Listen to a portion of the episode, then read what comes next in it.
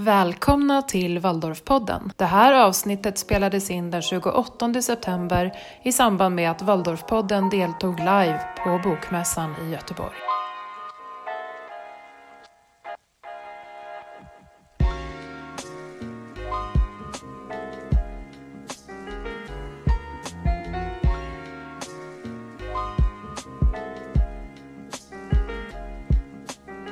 Vi befinner oss på Bokmässan i Göteborg.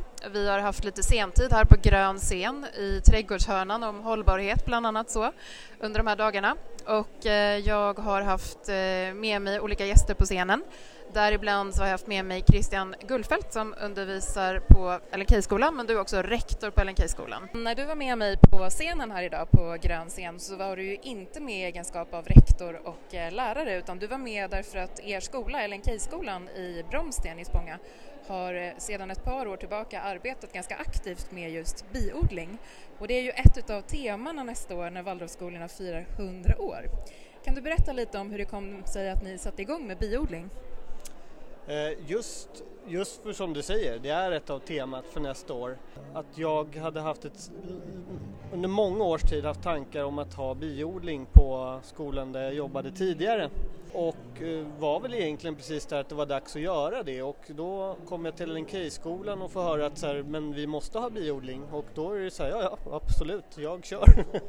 så att jag eh, Eh, hoppade då liksom utanför skolans regim på en, en eh, biodlarkurs hos lokala biodlarföreningen och eh, via dem så skaffade jag det första samhället till skolan och det, skaff, den, det samhället kom till oss våren 17 var det va.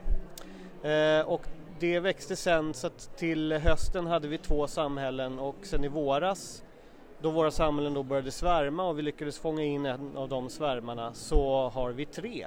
Och målet är väl att vi ska ha en mellan fem och tio. Är det en ganska komplicerad sak eller? Ja, de behöver ju, man behöver ju ta hand om det liksom, men, och då blir det ju inte längre så komplicerat. Jag tror att vi behöver ha så många samhällen, dels om vi ska om, om samhällena ska vara något mer än att barnen tittar på dem ibland utan faktiskt eh, att de får delta i något så måste vi ha flera samhällen och framförallt om vi då tänker oss att de äldre eleverna ska börja bygga egna kupor och designa kupor och de ska ta hand kanske om de eh, lära sig så bra att de kan hjälpa de, eh, de halväldre eleverna i högstadiet att liksom börja ta hand om eh, bina själva. Eh, men också om vi vill ha produkter, kanske ha lite honung på skolan som finns för alla. Bivax vore ju kul om vi hade lite eget. Det vore otroligt trevligt att kunna ge lite saker till eh, skolans föräldraförening att sälja på julmarknaden. Men eh, när ni liksom satte igång med det första samhället, bisamhället, var det så att allting flöt på bara från början eller uppstod det någon form av liksom, eller några svårigheter på vägen? Nej, Alltså eh, härligt nog, jag har varit så otroligt faderligt orolig och nojig liksom över, över mina bin.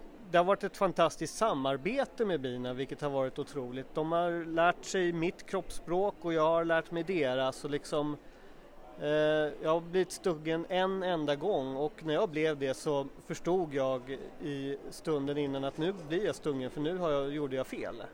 Och jag liksom kände det och jag kände att, att eh, samhället kände det också och då fick jag mig en smäll. Eh, men annars är det, det är som att vi, man, vi läser av varandra bra och eh, är de irriterade så märker jag det och backar och är jag lugn och fin så känner de sig trygga och då får jag pilla ganska mycket i samhället utan att de surnar till. Men har ni själva bikuporna och så ute på skolgården eller har ni dem inhägnade på något sätt? De, vi har ju så bra att vi vår skola ligger i en ganska stor byggnad med flera plan och med balkonger. Så vi har ställt ut våra bikupor på balkongerna en våning upp. Och då slipper vi problemet med att bina rör sig i eh, höjd med eleverna. Eh, jag vet också om, för de som kanske funderar på att skaffa bin på sin skolgård så funkar det bra att ställa ett plank två meter framför kupan för då flyger de rakt upp en fyra meter och sen så flyger de vidare.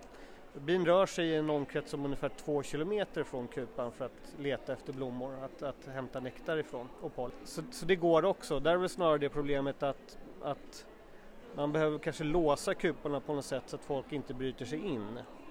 För det, det kan ju vara ett problem.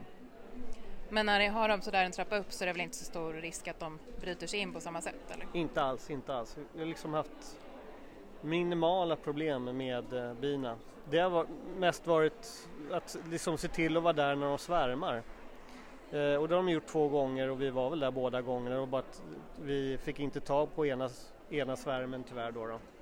Och eh, det är synd för då betyder det nog att den, eh, det samhället går nog under under vintern men om eh, de finns nog någonstans nu och mår bra ja, så länge. Om inte någon har hämtat dem och stoppat dem i en egen kupa, vilket vi hoppas.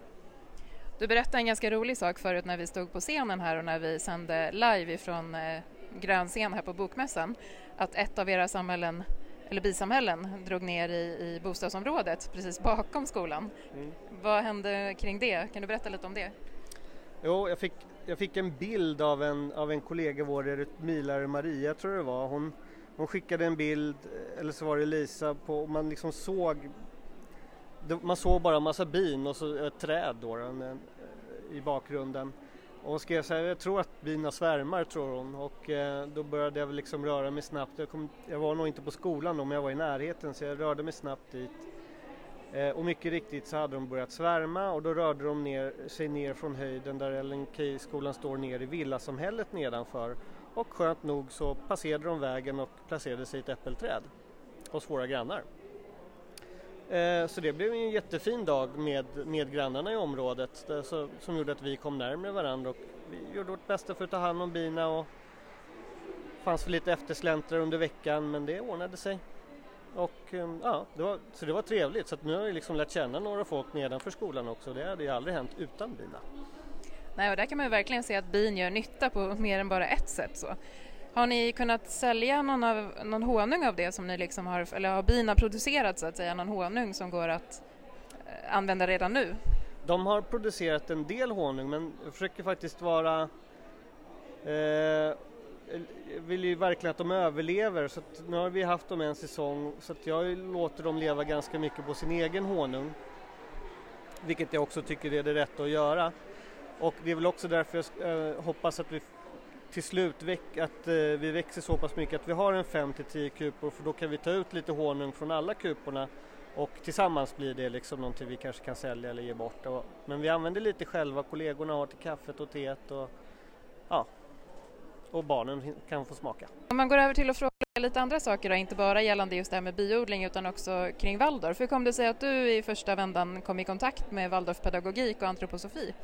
Jag kom i kontakt med Waldorfskolan genom att jag faktiskt började jobba på LNK-skolan. Eh, jag sökte mig från början till LNK-skolans gymnasieskola men som då hade, börjat, eller liksom hade lagt ner eller låg på is. Eh, men hamnade i, ett fantastiskt samtal med några av pedagogerna där som liksom slutade väldigt fort vara en intervju. Eh, och vi satt nog några timmar och pratade och till slut någonstans under samtalet så var det ju som att upplevde jag själv att jag jobbar ju redan här. Eh, och jag förstår att jag förstår att de inte tänkte så när de pratades vid efteråt men, men det var liksom klappat och klart på något sätt att här har jag hemma och det var och på den vägen är det. Och nu har du ju liksom avancerat lite då, du har ju blivit rektor. Känner du att det är skillnad att vara undervisande lärare och vara rektor på en Waldorfskola? Ja, det kan man säga är två helt olika, helt olika världar. Eh, på ett större plan än vad jag trodde att det skulle vara faktiskt. Men jag tycker det är otroligt roligt och spännande och det är en roll jag liksom har gett mig attan på att bli, bli riktigt, riktigt bra på.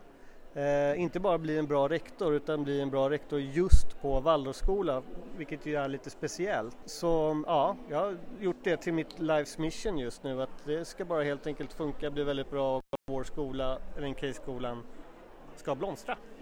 Jag har ju gått på LNK-skolan en gång i tiden. Det var där jag började min karriärbana på Waldorf. Och eh, ja, jag gick i den allra första klassen på LNK-skolan och när jag har varit på besök hos er nu på sistone så är det ju ja, det är delvis som att komma hem därför att jag har ju gått på den skolan själv. Men jag ser ju också otroligt mycket nya saker som ni har ja, men gjort de senaste åren bara så. Känner du att er skola är en, en skola där ni verkligen försöker att utvecklas hela tiden och hitta nya projekt och nya saker och sådär? Ja, alltså jag tror att vår skola är på väg in i någon sorts pånyttfödelse där det liksom varit ganska stort inflöde av nya intryck och annat. Och, och det, det, vi jobbar med just nu är faktiskt egentligen att hitta, eh, hitta Waldorfpedagogiken, jobba med eh, kollegiet och mandatgrupper och vårt nästa studiedag kommer handla om grundidén, den Waldorfpedagogiska grundidén. Eh, så att vi befinner oss nog i upptakten till, till något väldigt stort tror jag. Jag brukar alltid fråga mina gäster som jag har i Waldorfpodden om man bara säger ordet Waldorf, vad de tänker på då. Och då måste jag göra det med dig också då. Vad tänker du på när jag säger ordet Waldorf?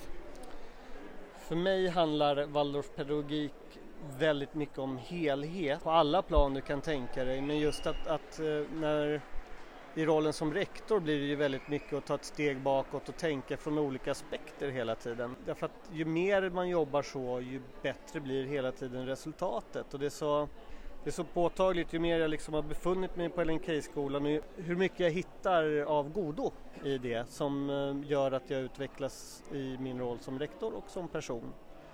Eh, och hur, hur ja, någonstans så ser man att så fort man rör sig i den riktningen så så hamnar pusselbitar på plats som inte låg på plats innan. Det är väldigt intressant. Det finns mycket mer att säga om Waldorfpedagogiken men det, det, är liksom det jag tänker på just nu. Sen betyder det massa annat. Det blir barnets utveckling, eh, åldersstadier, de sjuårsperioderna. Det, finns liksom, det går ju att gräva ner sig hur mycket som helst. Och det är det som är roligt, är att eh, jag upptäcker ju grejer hela tiden. Det jag upplever är väl att, att eh, och som jag har fått lite bekräftat de när jag pratat med kollegor jag känner som jobbar på gymnasieskolor som, som, får, som har fått några av våra elever är att de beskriver att de är helare som personer. De vet var de eh, befinner sig i världen på ett helt annat sätt än vad de andra eleverna gör. Vilket är ju otroligt gott. Och det låter ju helt fantastiskt mm. om det verkligen är så också. Nu har det gjorts en del forskning men den börjar bli lite gammal så att jag hoppas att det är fler som känner framöver att de vill ta tag i just den biten därför att det borde egentligen forskas om mer än vad det har gjort. Det där tycker vi ska inom, inom Waldorfrörelsen satsa ännu mer. Det går ju liksom att forska på ett sätt som gör att andra både förstår eh, vad det är vi pratar om eh, och kan godkänna det vi pratar om också. Kanske det vi ska avsluta den här intervjun med. Vi började med bina och vi pratade om att bin betyder jättemycket för eleverna i skolan och för er som skola. Att ni kanske har kommit varandra närmare och ni har också kommit grannarna närmare. Ja. Men för att vi som Waldorfrörelse ska komma världen närmare så kanske vi behöver bli lite tydligare med vad det är som vi gör som är så bra, apropå det temat som du också har pratat om här nu på Bokmässan. Learn to change the world ja. helt enkelt. Yes, och det är helt riktigt. Och jag tror att så här, det du säger är, är viktigt hur vi behöver tänka efter hur vi pratar med omvärlden och inse att Waldorfrörelsen har lite grann ett eget språk. Waldorfpedagogiken är, är ganska mycket ett eget språk där vi använder där ord inte betyder riktigt samma sak som det gör för andra människor och det behöver vi eh, förstå. Så att när vi pratar med andra människor så kanske vi ska prata så som de pratar och då kommer de förstå oss. Väldigt, väldigt enkelt tror jag att de kommer förstå oss då, tydligt kommer de förstå oss. Det lite komiska i det här sammanhanget är att vi är ju som sagt på Bokmässan och när vi har lyssnat på olika föreläsare här under de här dagarna så ja, nästan samtliga kommer in på saker som rör antroposofi och Waldorfpedagogik men de vet mm. bara inte om det. Nej, precis. Och det är någonting som jag tar med mig härifrån Bokmässan i alla fall att om de verkligen förstod hur mycket, hur mycket vi har gemensamt så skulle det kanske bli lite mer okej okay att prata om Waldorf och antroposofi även i andra sammanhang. Eller hur? Och jag tror att eh det är vi som tjänar på att närma oss dem för att de kommer inte göra det åt oss. Tusen tack för att du var med mig i ett avsnitt av Waldorfpodden Christian och jag önskar er stort lycka till med både biodlingen på skolan men också med ert utvecklingsarbete på skolan. Det ska bli spännande att följa. Tack så jättemycket.